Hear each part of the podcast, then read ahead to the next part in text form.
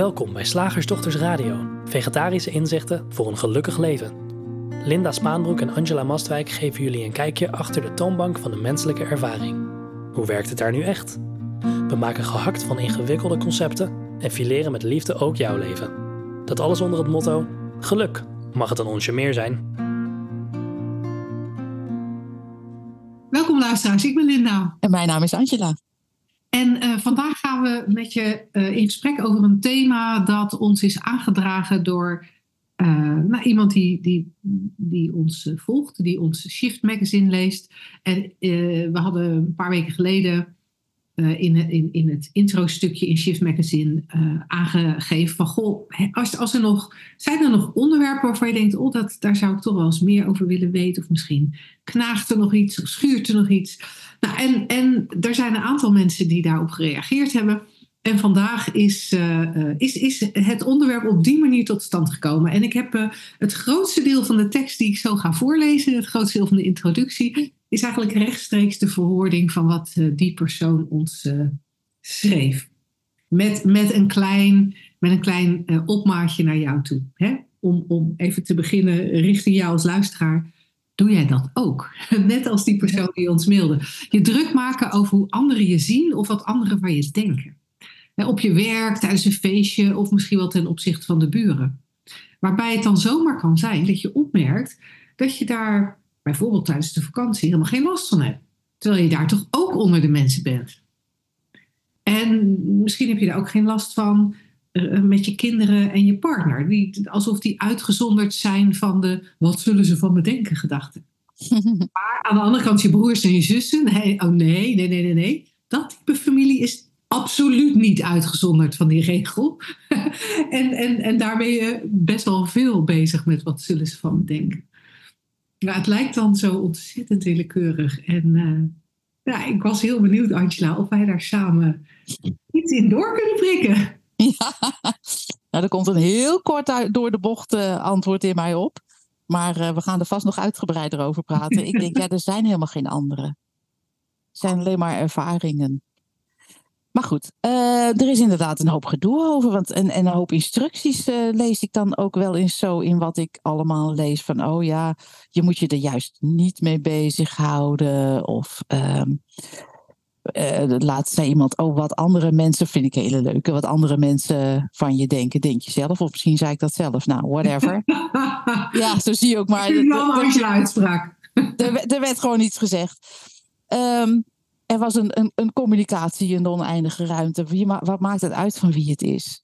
Um, maar er zijn, zitten heel veel aannames en instructies rondom dat concept van andere mensen en wat zij denken of wat jij denkt dat zij denken. En ik denk, ik denk, haha, dat dat, uh, je, zou je zou kunnen zeggen, dan ga je heel erg de vorm in, heel erg de psychologie. Oh ja, dat is, uh, hè, er ontstaat op enig moment in de menselijke ervaring het idee van ik als afgescheiden persoon van in, in de wereld. Hè, daar word je niet mee geboren, maar dat, dat, ontstaat. En dan vervolgens zou je kunnen zeggen, dan mag je de puberteit als, als richtlijn, als, als tijdperk voornemen. Oh, dan wordt het heel erg belangrijk om te ontdekken wie jij bent als individu. Um, en, en ook ja, dat je dan gaat experimenteren misschien wel. Ik kan mij herinneren toen mijn oudste zoon 11 was, oh wilde die ineens gothic zijn. Nou, met zijn blonde koppie. Prima kind haar zwart geverfd. Zag er niet uit. Wat maakt dat uit? Hij wilde dat graag. Uh, uh, alleen nog maar zwarte kleding en van die, van die uh, leren banden met spijkers, met spikes om, om zijn nek. Nou, nou, dan heeft hij zo'n jaartje of twee jaartjes rondgelopen en zei: Nee, nee, dat zo'n, dat is een veel te depressieve scene. En toen, oh, van de een op de andere dag, alles wit, prima, kop onder de kraan, gebleekt uh, zijn haar gebleekt. En uh, de stad ingegaan voor witte kleren. Zo, dan ben je alleen nog maar wit. Ja, en kennelijk was hij al heel snel uh, dat spelletje ook weer zat. Maar er zijn kinderen die daar langer mee experimenteren. Er zijn kinderen die volwassen worden en nog steeds denken dat ze iemand zijn. Nou ja, op je veertigste of zo, 45ste, kom je dan in een burn-out of in een andere, of in een relatiebreuk of een andere crisis terecht. En met een beetje mazzel ontdek je dan, ah ja, wie ik denk dat ik ben, is helemaal niet Er is helemaal geen uh, afgescheidenheid. Er is helemaal geen uh, um, losstaande persoon. Ook al wordt het wel zo ervaren. En is die ervaring, zoals Einstein dan zegt, zo hardnekkig. Hè? Die ervaring is wel zo dat, je, dat jij ik bent en de andere mensen andere mensen zijn. En dat daar allerlei interacties in zijn. Uh, daar kunnen we niet onderuit. Uh, tegelijkertijd is het ook heel simpel, tenminste wat mij betreft, om te zien dat dat niet werkelijk is. Niet werkelijk zo is. Dus ja, en dan ben je ook klaar met je hele gedoe van oh, wat andere mensen denken, of hoe jij eruit zou moeten zien, of, of welk invloed dat heeft, of wat jij, in welke bochten jij wringt om, om een imago in stand te houden. Ik vind het zo mooi, zelfs, zelfs het woord persoon, dat komt van persona. En dat betekent, volgens mij oud-Grieks was dat een naam voor masker hè, die hadden toneel in van die hele grote arena's natuurlijk. Die staan er nog wel in Griekenland, denk ik. En dan kregen de, uh, de spelers hadden destijds nog niet van die kekke microfoontjes zo mhm. langs je gezicht geplakt, zoals wij wel opgetreden hebben. Uh, dus, uh, en om te voorkomen dat die, die toneelspelers dan hard moesten schreeuwen, kregen ze een masker voor om uit te beelden wie zij speelden. En daar zat dan ook een soort uh, ja, dingetje in waardoor het geluid werd versterkt. Ja, waren slimme mensen, die Grieken. En persona betekent masker, dus de persoon wie je denkt dat je bent, Angela, Linda, jij als luisteraar. Dat, dat is een masker en dat, dat is bij andere mensen ook zo. En wat daarachter zit, daarin zit, daaronder zit, we hebben daar geen goed voorzetsel voor, is die oneindige levensenergie, mind, en iets wat we het bewustzijn noemen. En het masker is gewoon maar wat je denkt dat het is, ja. Het is heel simpel, dus dan haal je eigenlijk en doe je een soort met een omtrekkende beweging, kom je eigenlijk uit op, op het resultaat wat je wilde hebben. Uh, van die instructies van, oh, je moet je er niks van aantrekken, of weet ik veel. Dat resultaat is veel makkelijker en veel fundamenteler als je realiseert hoe het werkt, in plaats van een truc proberen toe te passen. Ja, kijk, wat ik nou wel leuk vind, dat deze vraag gesteld werd door, of deze, dit thema werd ingebracht door iemand die de opleiding bij ons heeft gedaan. En mhm. waarvan wij allebei weten dat zij op heel veel momenten heel helder, dit heel helder heeft. Dat er is eigenlijk geen ik. Uh, en toch zegt ze ook van ja, toch kan ik deze niet doorprikken.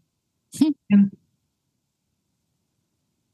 ik vind het niet altijd even behulpzaam om dan te blijven roepen, om dan te, hè, om dan te blijven focussen op, ja, maar ja, er is geen ander. Het is allemaal één. Het is allemaal een illusie.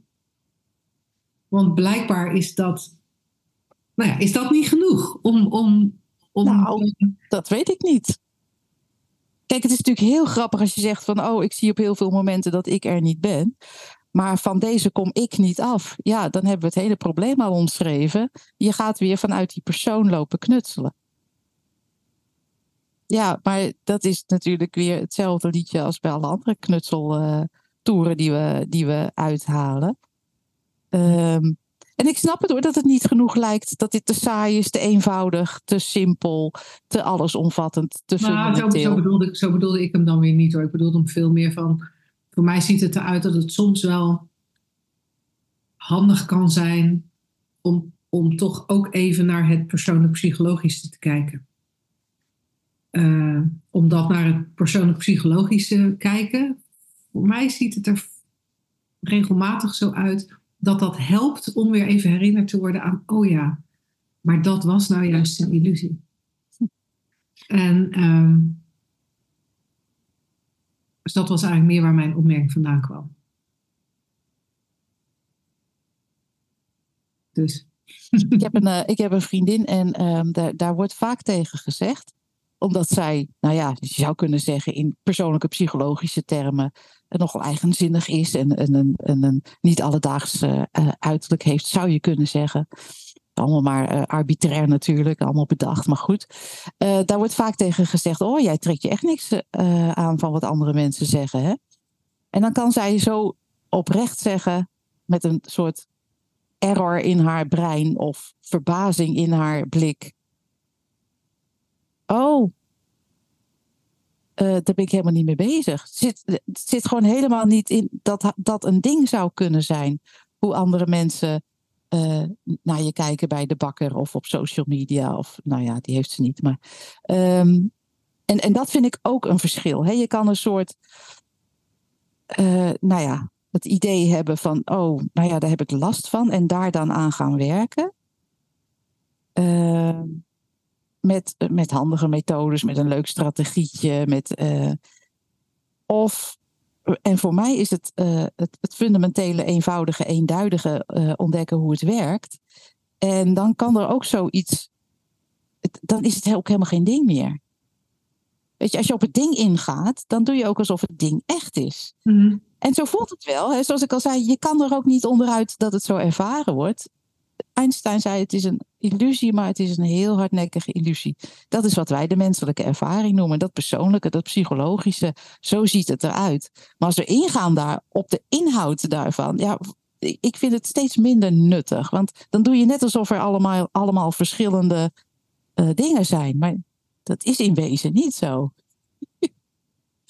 En al, het voelt wel zo, ja, dat is die menselijke ervaring. Want we denken ons nu eenmaal los van elkaar. En we denken nu eenmaal dat er uh, blikken geworpen. Ja, en zo ziet het er ook uit. Ja, blikwerpen. Ik zie het gelijk voor me, sta je bij de bakker, werpt er iemand een blik op je. Auw! Auw. het is een hele nare blik die jij nu werpt. Ja. Ja. Maar wat zie jij dan verder wat nuttig zou zijn om op persoonlijk psychologisch uh, gebied daarover te, nou, te communiceren? Bijvoorbeeld naar aanleiding van wat jij nu net zegt, hè, van dan werpt er iemand een blik op je. Oeh.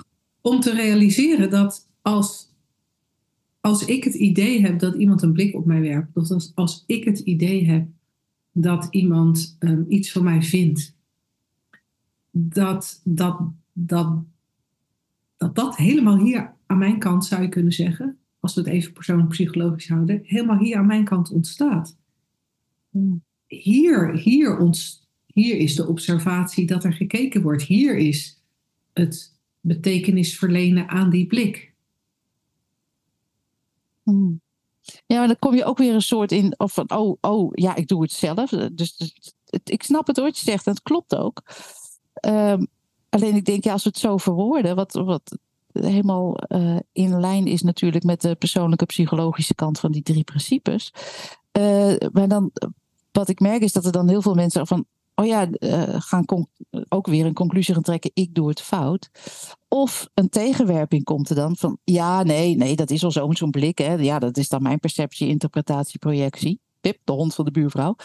Um, maar dan, dan komen er ook weer allerlei bezwaren op van, tenminste, die verzin ik nu even. Ja, maar ik, uh, ik zit dus op uh, LinkedIn en ik kreeg een uh, bericht van iemand.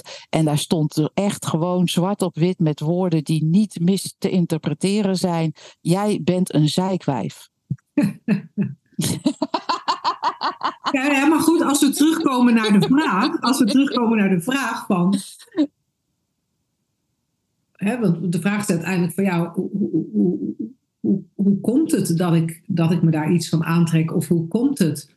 Ja, nee, vooral dat. Wat, waarom maakt het me nog steeds uit wat andere mensen denken?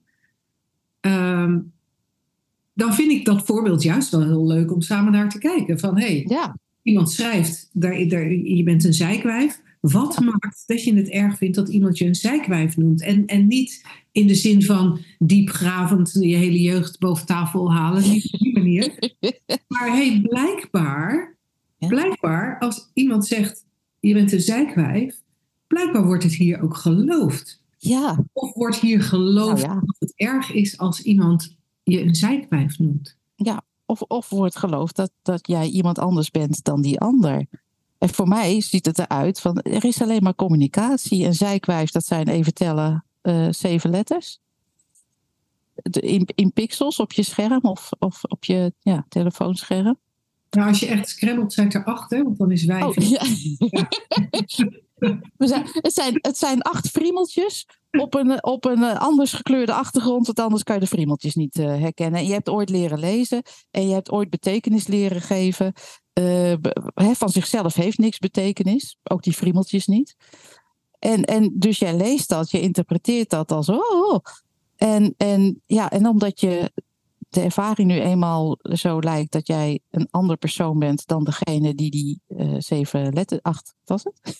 acht letters heeft, heeft opgetypt, optypen, opgetypt, uh, um, ja, leidt dat tot een, een, een, een kramp in het systeem. Maar ja, ook dat is natuurlijk, dat geeft helemaal niks. Ja, dan heb je, heb je een... Uh...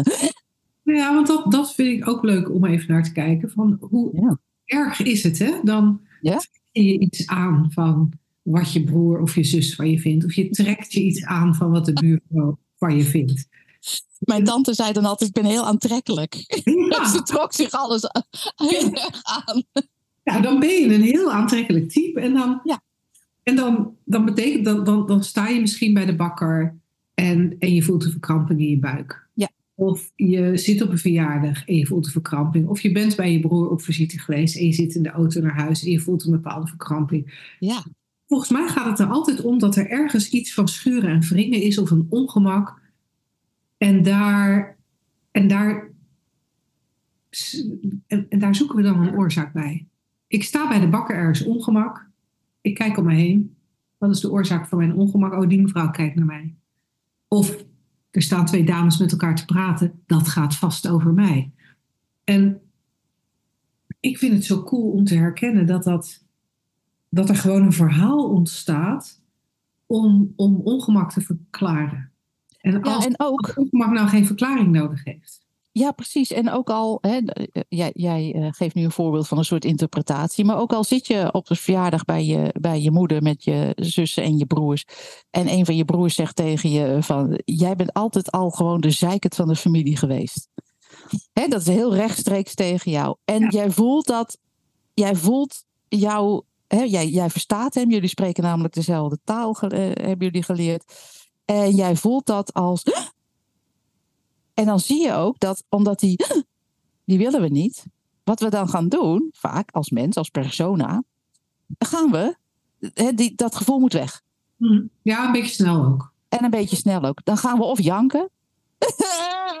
we gaan in de tegenaanval. Hè. De persona die neemt erop. Ik, ik zie het me nog doen. Een schild en een zwaard. En die gaat. Nee, maar jij. Of uh, speelt het slachtoffer. Of uh, weet, is, plakt er een ander verhaal tegenaan? Ja, gaat, nou ja, laten we even samenvatten. Gaat in de verdediging of in de aanval? Ja. Alleen maar om dat gevoel kwijt te raken. Ja. Maar als dat gevoel, nou ja, je broer zegt, eh, je bent altijd al de zeikert van de familie geweest. Ja, ik denk altijd als mensen iets tegen me zeggen, denk ik, oh ja, dat zal ik ook wel eens gedacht hebben. Misschien heb je gelijk. Ja, wat maakt mij dat nou uit? Nou, wat ik ook, als, je, als we zo naar het voorbeeld kijken, denk ik, dat is ook interessant. Want als die broer zou zeggen: Jij bent altijd al degene in de familie geweest met het meest steile haar. Ja. In jouw geval met het meest krullende haar. Dan, dan uh, zou er dan ook zoveel gebeuren? Nee, dan denken we misschien ja, hè, vind ik leuk. Of nou ja, krullen. Um, ja, het is maar net hoe het geïnterpreteerd wordt natuurlijk. Want als die tegen jou zegt, laten we even iets wat we allemaal als persoonlijk of, of als positief zouden interpreteren. Jij bent altijd nou echt degene in onze familie die de boel bij elkaar houdt met je wijsheid, met je. Ik zeg maar even wat. Ja. Nou, dat, dat, eh, die interpretatie levert een, uh, misschien een prettig gevoel. De interpretatie die hier plaatsvindt. Hè? Want wij, wij voelen niet die woorden, wij voelen onze eigen gedachte, onze eigen interpretatie, perceptie. En dat voelt dan fijn, daar, daar wil niemand wat mee doen. Nou, of misschien ook wel, als, als we. Er kan ook ongemak ontstaan van, nou, zoveel eer verdien ik niet. En dan wordt daar ook weer iets mee gedaan. Terwijl ik denk, ja, wat maakt het uit wat er hier ontstaat en wat er gecommuniceerd wordt? Oh, jij bent echt de leukste van de familie. Ja, dat denk ik ook wel eens. het is in allebei de gevallen, ja, je hoort nooit iets wat je zelf ook niet denkt hoor.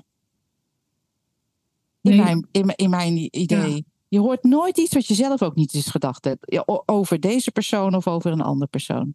Misschien een beetje, nou, creatiever verwoord. Ja, of, grover. Ja. Met meer argumenten verwoord. Maar, ja, ja. Uh, het lijkt inderdaad wel zo alsof je alleen maar dingen terugkrijgt. Of die, eh, dat je alleen maar dingen hoort die je zelf al eens gedacht hebt. En misschien weggestopt hebt omdat ze geen fijn gevoel gaven. Ja. Ehm, En wat jij zei hè, met, dat, met dat steile haar, we geven ook wel eens natuurlijk het voorbeeld van als iemand tegen je zegt van staat je niet dat blauwe haar, maar je weet zelf, ja, ik heb helemaal geen, blauw haar, dan zal dat ook niks doen. Want jouw perceptie, interpretatie van die opmerking is, nou, die andere heeft uh, kennelijk een blauwe bril op, of die uh, is kleurenblind. Of, uh... ja, dat is wel een mooie aanvulling, want inderdaad, als iemand een opmerking tegen je maakt zoals dat, waar je totaal niet in gelooft, dan gebeurt er. Nee. Nee. Uh, en als we zien dat alles neutraal is, dat dat denken van zichzelf volkomen neutraal is, ja, dan kunnen ze je ophemelen wat ze willen, maar prima. En dan kunnen ze je affikken wat ze willen, maar ja, prima. Ja. ja. Hè, maar het werkt wel naar twee kanten. Hè? Dat, dat, daarom zeg ik, het werkt wel naar twee kanten als je echt ziet hoe dit werkt, dan, dan doen complimenten je ook niks meer. Nee, ja, je, nee, zegt, je zegt misschien een beetje sociaal, uh, uh, gezellig. Uh, oh, dankjewel. Ja. Hè? Maar het werkt naar twee kanten. We kunnen niet zeggen, oh, dat laat ik bij jou hoor. Dat zegt meer over jou dan over mij. En dan de complimenten. Oh ja, dat zegt inderdaad alles over mij. niet over jou. Nee, nee, sorry, maar die, die, gaat, die vlieger gaat niet op. Die drie principes beschrijven hoe elke ervaring van binnenuit plaatsvindt, dus ook bij wat wij anderen noemen. Het is een, een, een wereldwijd web van percepties, interpretaties en projecties, gedachten, meningen, whatever. Maar het werkt maar één kant op. Ja. Ja. Ja, dat is cool, hè? Dat is super cool. Nou, ik ben benieuwd of wij hier een beetje licht hebben geschenen op, uh, op, op dit onderwerp. Uh, als er te weinig licht is, uh, stel je vragen aan vragen.slagersdochters.nl. Dan gaan we er in een volgende radio-uitzending nog verder op door. En uh, dan gaan we nu naar de vraag van vandaag. Yep. Zeg, slagersdochters, hoe bak ik die vega-burger? Over naar de luisteraarsvraag. Het is een vraag van Tess. En Tess is net geland op uh, onze website en het uh, gratis e-boekje uh, Drie Principes voor Geluk. Dat, of drie inzichten. Nee, drie principes voor, nou ja, voor geluk. Ja, voor geluk volgens mij, ja. ja. wat je daar gratis kan downloaden. Dus als jij dat nog niet gelezen hebt, www.shiftacademy.nl of www.slagersdochters.nl. Op allebei de websites vind je ze. En, en ze geeft aan van, ja, ik zou me graag hier meer in verdiepen. Dus wellicht ooit een workshop bijwonen of iets in die richting. Ik zat wel met een vraag en wellicht dat jullie die kunnen beantwoorden. Alles over de mind en onze consciousness resoneerde enorm. De gedachten die we hebben vormen onze realiteit, maar ze zijn van tijdelijke aard. Hoe werkt dat dan precies met piekeren? En wat is dan eigenlijk het nut van gedachten? Een hoop van de gedachten helpt ons de wereld te structureren, maar bijvoorbeeld met piekeren is het grotendeels zinloos. En dat terwijl de mind zulke wijze processen heeft. Wat is dan het doel van zulke gedachten? En hoe zit het eigenlijk met gevoelens? Worden die altijd gecreëerd door gedachten volgens deze principes? Dat lijkt me ook een hele aparte wereld namelijk. Aangezien er één principe gewijd is aan de wereld van gedachten, zou je misschien hetzelfde kunnen zeggen over gevoel. Is dan het geluksgevoel onze staat van zijn waar we altijd naar willen terugkeren? En zouden jullie, oh nee, de andere vraag was of we nog andere simpel geschreven boeken konden aanraden. Nou, dat kon ik, hè. Het mag ook makkelijk, ons eigen boek. Uh, alvast bedankt voor het nemen van de moeite om deze vraag te beantwoorden. Cool. Ja, ik vond het heel cool, want dit, dit, dit, is, dit zijn echt hele logische vragen als je net, net een beetje landt uh, op een website waar over de drie principes gesproken wordt. Of zoals in dit geval, als je zo'n gratis e-boekje gedownload hebt en je gaat het uh, lezen. Uh, ja, dan, dan, dan zijn dit hele logische gedachten. Uh, of hele logische vragen. Eh, om even bij de eerste concrete vraag. Wat is het doel van gedachten? Wat is in feite wat is het doel van piekergedachten? Ja, die zijn natuurlijk compleet doelloos. Um, ik, van de week nou, ik weet niet meer wie het zei, maar maakt niet uit. Ik was met iemand in gesprek en die zei: Oh, die, die realiseerde zich: Oh, ik ben zo, wat wij dan noemen, in mijn hoofd gaan zitten om uh, de wereld te nou ja, te ordenen. Begrijpelijk te maken. Om er grip op te krijgen. Maar dat krijg je natuurlijk nooit, want de wereld is puur energetische chaos. Maar met ons denken lijkt het, lijkt het alsof we er grip op kunnen krijgen. Dus uh, het, het, het heeft geen doel, maar de, de piekergedachte. Maar het principe thought, dat heeft wel zeker, een, nou niet, niet een doel, maar een, een fantastische werking. Kijk, hè, we praten over principes en dat is gewoon hoe de dingen werken. Altijd al, of je het weet of niet. Uh, voordat je geboren werd, als je doodgaat. Uh, is onpersoonlijk, hè, de werking van principes. En dan is er mind, dat is pure levensenergie, het feit dat er leven is. Consciousness, ja, puur bewustzijn, puur gewaarzijn zou je kunnen zeggen. En, en dat is ook, hè, die, die twee samen zie ik als, als het, eigenlijk het, het intrinsieke geluk, het feit dat dat er is. Maar thought, hè, het derde principe, dat is het creërende principe. Dat stelt ja, ons, dat stelt eigenlijk mind en consciousness in staat om een wereld te beleven en te creëren en te beleven en te creëren en te beleven en te creëren en te beleven en te creëren via ook via de mens dus. Ook via die boom hier achter mij, maar ook via dus via alles wat er, wat er is. Dus het is ja, Sid Banks, de, degene die die drie principes onthuld heeft. Tada, daar waren ze. En daar waren ze altijd al. Uh, dat staat waarschijnlijk ook wel in ons e-book over Sydney Banks. Uh, die zei, ja, thought is a gift. Hè? Het, is een, het is een gegeven. En ik denk, als je aan het piekeren bent, dan ben je eigenlijk dat gegeven paard in de bek aan het kijken. Want je kan denken, maar, maar wat je ermee doet, is dan eindeloos in rondjes denken. Het is natuurlijk onschuldig. Daar kunnen we ook niks aan doen dat dat zo ontstaan is. Ja, en, en uh, hè, wat van de week mijn gesprekspartner zei. Oh, maar dat is ontstaan omdat ik dacht dat in dat persoonlijke denken de grip op de wereld zat. Nou, dat bleek dus niet zo te zijn. Um, maar thought is veel breder dan mijn gedachten. En het omhelst namelijk de hele creatie, inclusief gevoelens. Het is gewoon alles wat iets is, is thought in het bewustzijn van een oneindige mind, zou je kunnen zeggen. Het is gewoon even die drie principes op een rijtje. En um, dus zonder thought geen creatie. Dan was er alleen maar puur bewustzijn en puur ja, ruimte, energie, mind. En thought stelt. Het is zo grappig. Ik, hè, ik wil zeggen, stelt ons in staat, maar dan ga ik naar het andere niveau van de drie principes. Het persoonlijk psychologische niveau. Eigenlijk stelt het mind in staat om te doen alsof het niet mind is. Om, om, om een wereld te creëren of te ervaren. Creëren, ervaren in een eindeloze loop.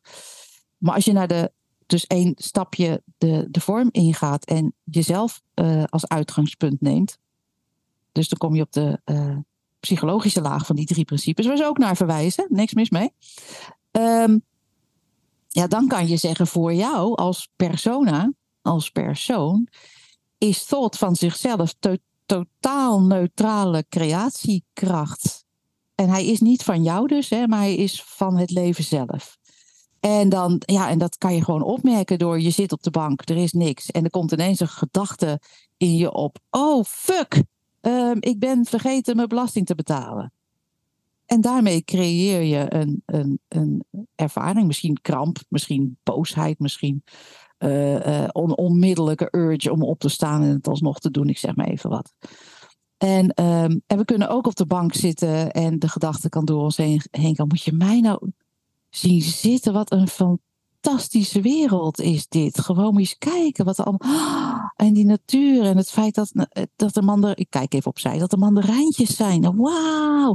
Dat je die kan eten. Nou, dan gebruik je thought op een manier ja, dat, dat, dat je de wereld ziet als een wonder. Ik denk ook even aan, uh, hoe heet die? Um, Einstein. Die zei, ja, je kan op twee manieren leven. Je kan natuurlijk op miljarden manieren leven. Maar hij maakte even een onderscheid. Alsof je kunt leven alsof niets een wonder is. Ja, dan heb je van die gedachten van, nou, kut, vind er niks aan. Hier uh, heb ik weer pijn in mijn buik. Of ik zeg maar even wat. Uh, of je kunt leven alsof alles een wonder is. Wow, er is een lichaam. Oh, wat gebeurt er daar, joh, in, in, die, in mijn buik. Nou, dat is een ander gevoel. En ik zeg niet dat het ene beter is dan het andere. Ik zeg gewoon, dat is wat thought is. ja.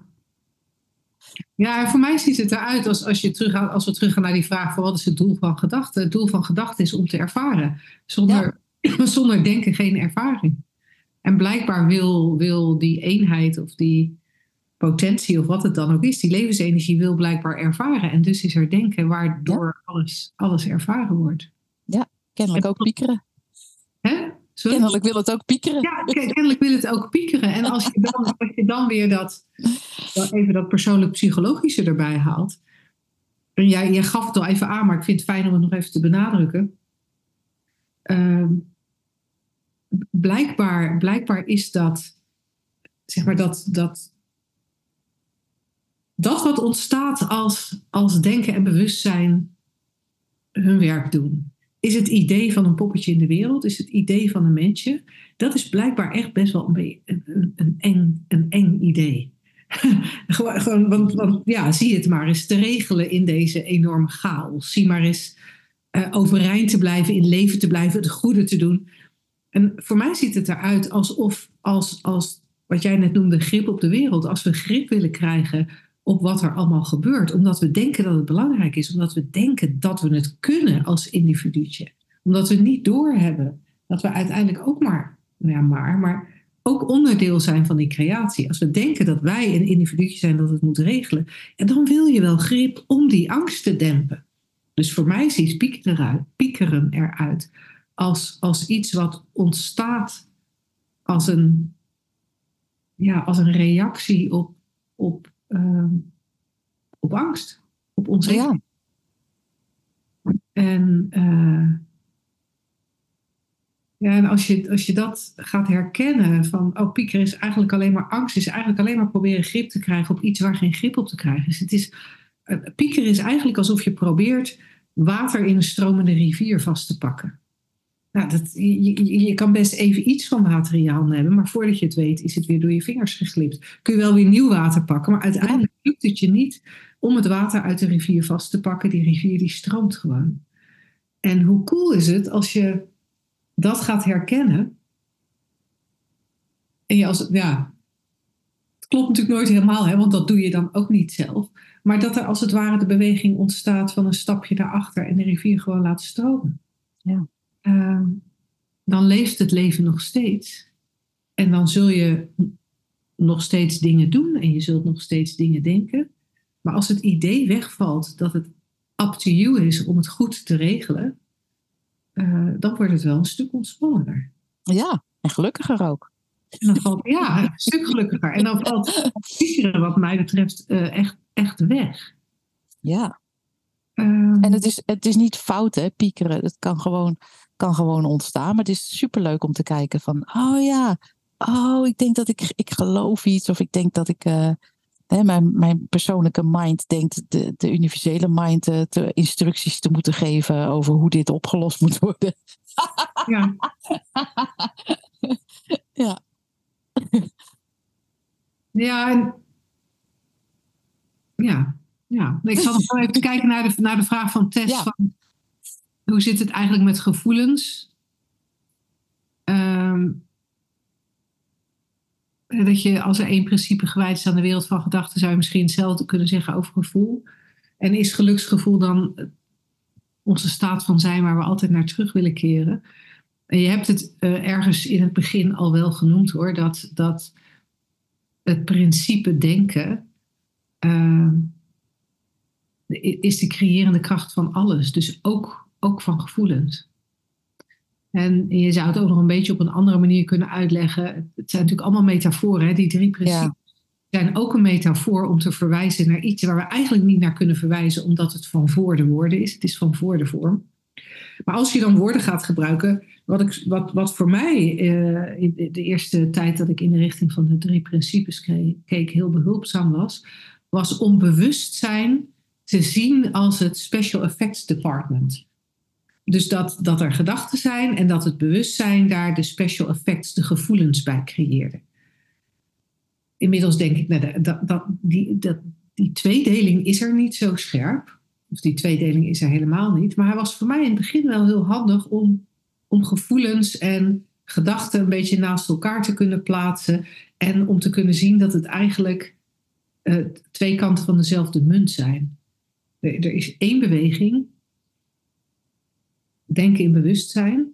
En die ene beweging komt met nou ja, wat we ervaren als gedachten en wat we ervaren als gevoelens of emoties. Dus er is in dat opzicht helemaal geen onderscheid. Ehm, en wat was nou het andere stukje van haar vraag waar ik nog op in wilde gaan? Ehm, oh ja. Ehm, dus in dat, in dat opzicht kan je wel zeggen, gevoel zou je kunnen plaatsen hè, als, als, als het principe bewustzijn. Maar eigenlijk gaan we dan een beetje te geforceerd proberen een scherp onderscheid te maken tussen het een en het ander. En op jouw vraag van is het geluksgevoel onze staat van zijn waar we altijd naar terug willen keren? Ja, ik, ik, ook daar kan je weer op twee manieren antwoorden. Je kan gewoon zeggen ja, klopt. Dat is je staat van zijn, dat is je default setting. Uh, en, en, en, en dat is waar we als we niet, in, niet het gevoel van die default setting hebben, dan schuurt en dan wringt het en dan weet het systeem ergens dat het niet klopt. Dus dan, dan wil er iets anders. En dat, gaan, en dat wordt dan soms op onhandige manieren geprobeerd te bereiken door, door drugs te gebruiken of door veel alcohol te gebruiken of door veel te eten of door excessief te wandelen. We gaan dan van alles verzinnen wat we moeten doen om terug te komen naar dat, naar dat goede gevoel terwijl het je default setting is. Dus in feite als, als het denken tot rust komt, als de persoonlijke gedachten tot rust komen, zou ik eigenlijk beter kunnen zeggen, dan, dan is er automatisch ook weer dat geluksgevoel of dat gevoel van oké zijn. Maar als we het helemaal zuiver op de graad uh, uh, willen zeggen, dan, dan, dan zouden we moeten zeggen van het is niet onze staat van zijn, er is maar één staat. Er is maar één. Er is maar één. Er is maar één zijn, ja. Er is maar één zijn. En, en dat is altijd al zo. Ja, en daar valt niet naar terug te keren, want het is niet weg. Nee.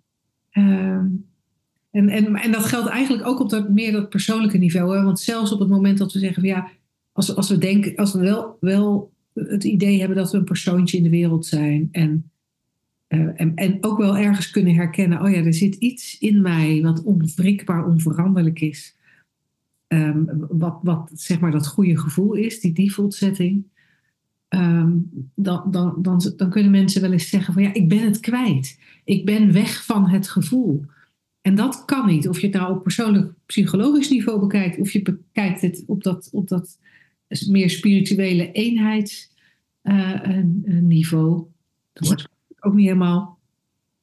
Maar hè, vanuit de eenheid aangevlogen of vanuit het persoonlijk psychologisch aangevlogen, in alle gevallen uh, is die staat er altijd. Ja, en jij bent niet de brug. Jij bent niet degene die van dat zijn naar het, het mens zijn gaat. Die van het mind uh, uh, zijn ineens mens gaat spelen. Jij bent niet de brug. De brug daartussen is is thought, het creatiemateriaal. Het idee dat jij er bent als, als afgescheiden persoon in plaats van het oneindige zijn, of hoe je het ook wil noemen. Wij noemen dat mind. Of bewustzijn. Dus, dus jij gaat niet heen en weer, jij raakt niet kwijt, jij bent niet verdwaald, al voelt dat wel zo. Hè? We hebben weer altijd te maken met, ja, het voelt wel zo. Ja, dat klopt. Dat is de functie van thought, dat het zo voelt. En het is niet zo, want wat er in wezen is, is dat die, die dat zijn altijd al, al in het, ja, altijd al onderdeel uitmaakt van de ervaring. Want het zijn drie principes. Het is niet alleen maar de ervaring, maar het is ook het bewustzijn daarvan en het leven daarachter of erin. Dus dat is er altijd. Dus dat is ook fijn om te weten. Dat, uh, want we geven onszelf zo graag kennelijk uh, de schuld of, of, of, een, of uh, een opdracht om ergens hè, terug naar het zijn of terug naar het pure bewustzijn of terug naar een state of no thought. Nee, maar je kunt jezelf helemaal niet die opdracht geven. Je kan zien dat je zelf ook al een gedachte in dat geheel bent, hè, wie je denkt dat je bent. En dat thought de, de brug is. Oh, oké.